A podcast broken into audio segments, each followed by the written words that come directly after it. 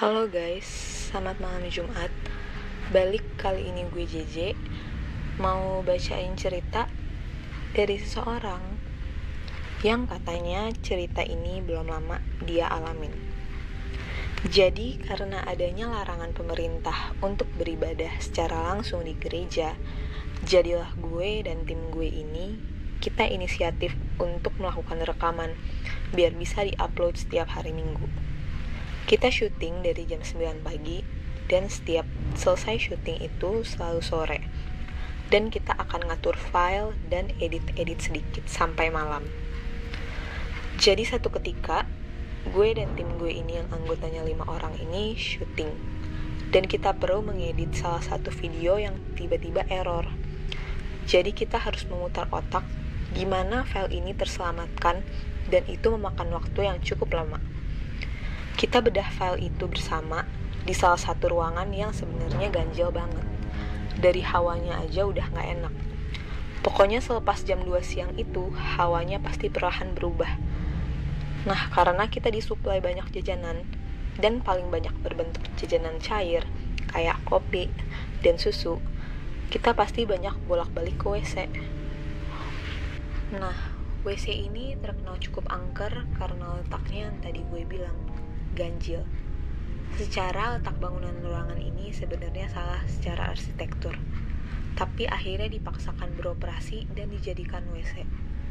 Yang pertama kali masuk itu si A. A cerita, selama dia pipis, perasaan dia selalu diliatin. Padahal ruangan WC itu kecil banget untuk ukuran WC.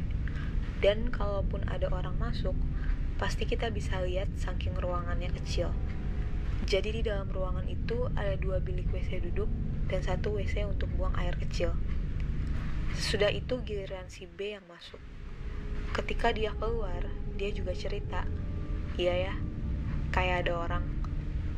Nah, gue yang penasaran, akhirnya gue masuk dong. Gue masuk biasa aja, dan iya emang bener, kita emang merasa diliatin dari salah satu bilik itu. Tapi setelah gue cek nggak ada siapa-siapa. Akhirnya gue mikir, mungkin kita semua pada capek kali ya. Jadi ke bawah suges ada yang liatin. Ya udah, setelah mengambil pemikiran positif seperti itu, gue cuci muka karena gue bawa sabun juga biar kelihatan fresh.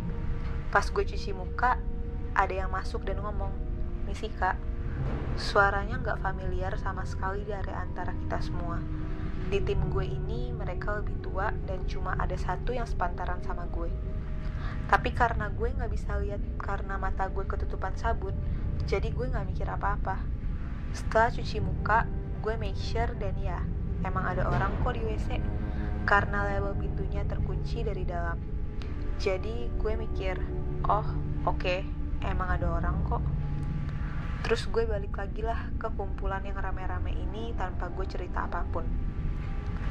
Lalu si C sama D masuk bersama-sama, cuma si D cuci tangan dan si C-nya ke salah satu bilik. Lalu si C balik lagi dan si D tetap di WC untuk buang air besar.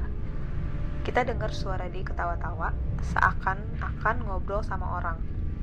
Terus kita bingung dong, loh, si D ngobrol sama siapa ya? Kan kita semua di sini. Tapi kita mikir, ah, paling dia lagi nonton video. Tiba-tiba di ujung meja, handphone si Dew ini bunyi notif. Wah, makin bingung dong. Oh, ya udah. Mungkin dia emang lagi inget momen lucu yang bikin tiba-tiba ketawa. Tapi kok ketawanya gak berhenti-berhenti? Pas dia keluar, kita ceng-cengin lah dia. Lu kayaknya udah kelamaan di karantina deh. Jadinya lu gila, ketawa-tawa sendiri. Celetuk si A yang paling tua. Terus si D ngebales, dia bilang, enggak, gue perasaan diem dari tadi, nggak ngapa-ngapain. Di situ agak rada emosi karena kita semua denger kok dia ketawa-ketawa. Tapi dia ngaku, dia diem di WC. Bahkan dia ngakunya dia denger kita yang ketawa-ketawa. Setelah perdebatan kita sambil bekerja, tahu-tahu suara ketawa itu yang datangnya dari WC kita dengar bersama. Kita berlima seluruh anggota tim di situ dengar suara orang ketawa seperti laki-laki, anak kecil dan perempuan kayak ada 3 sampai 4 orang yang ketawa di ruangan itu. Nah, karena gue A dan B paling sotoy, gue samperin lah tempatnya dan WC itu terkunci dari dalam karena ada labelnya terkunci dan tiba-tiba klik bunyi WC-nya dan ada jari-jari seakan membuka dari dalam situ. Dengan tenaga yang masih ada gue dan dua orang teman gue ini nunggu sampai WC-nya terbuka. Dan iya ada satu keluarga terdiri dari dua anak laki-laki dan perempuan berserta sepasang suami istri seperti korban yang dibunuh. Karena banyak luka tusukan dan babak belur di dalam satu bilik. Seketika itu kita pindah ke tempat ruangan lain dan WC itu didoain sampai hari ini. Asal usulnya nggak jelas dan simpang siur. Karena yang gue tahu, kota Bekasi itu bekas perkebunan karet dan rawa-rawa. Dan bangunan gereja gue ini juga bekas lahan kosong setahu gue. Tapi menurut bokap yang adalah salah satu pendiri dari jemaat mula-mula gereja gue ini, dulu emang ada satu rumah dan gak ada rumah lain. Akhirnya diratakan dan dibikin perumahan. Tapi gue gak tahu gimana cara deal-dealannya sampai satu-satunya rumah ini digusur. Itu menurut versi cerita bokap gue. Gue JJ, kita ketemu lagi minggu depan di Secermis.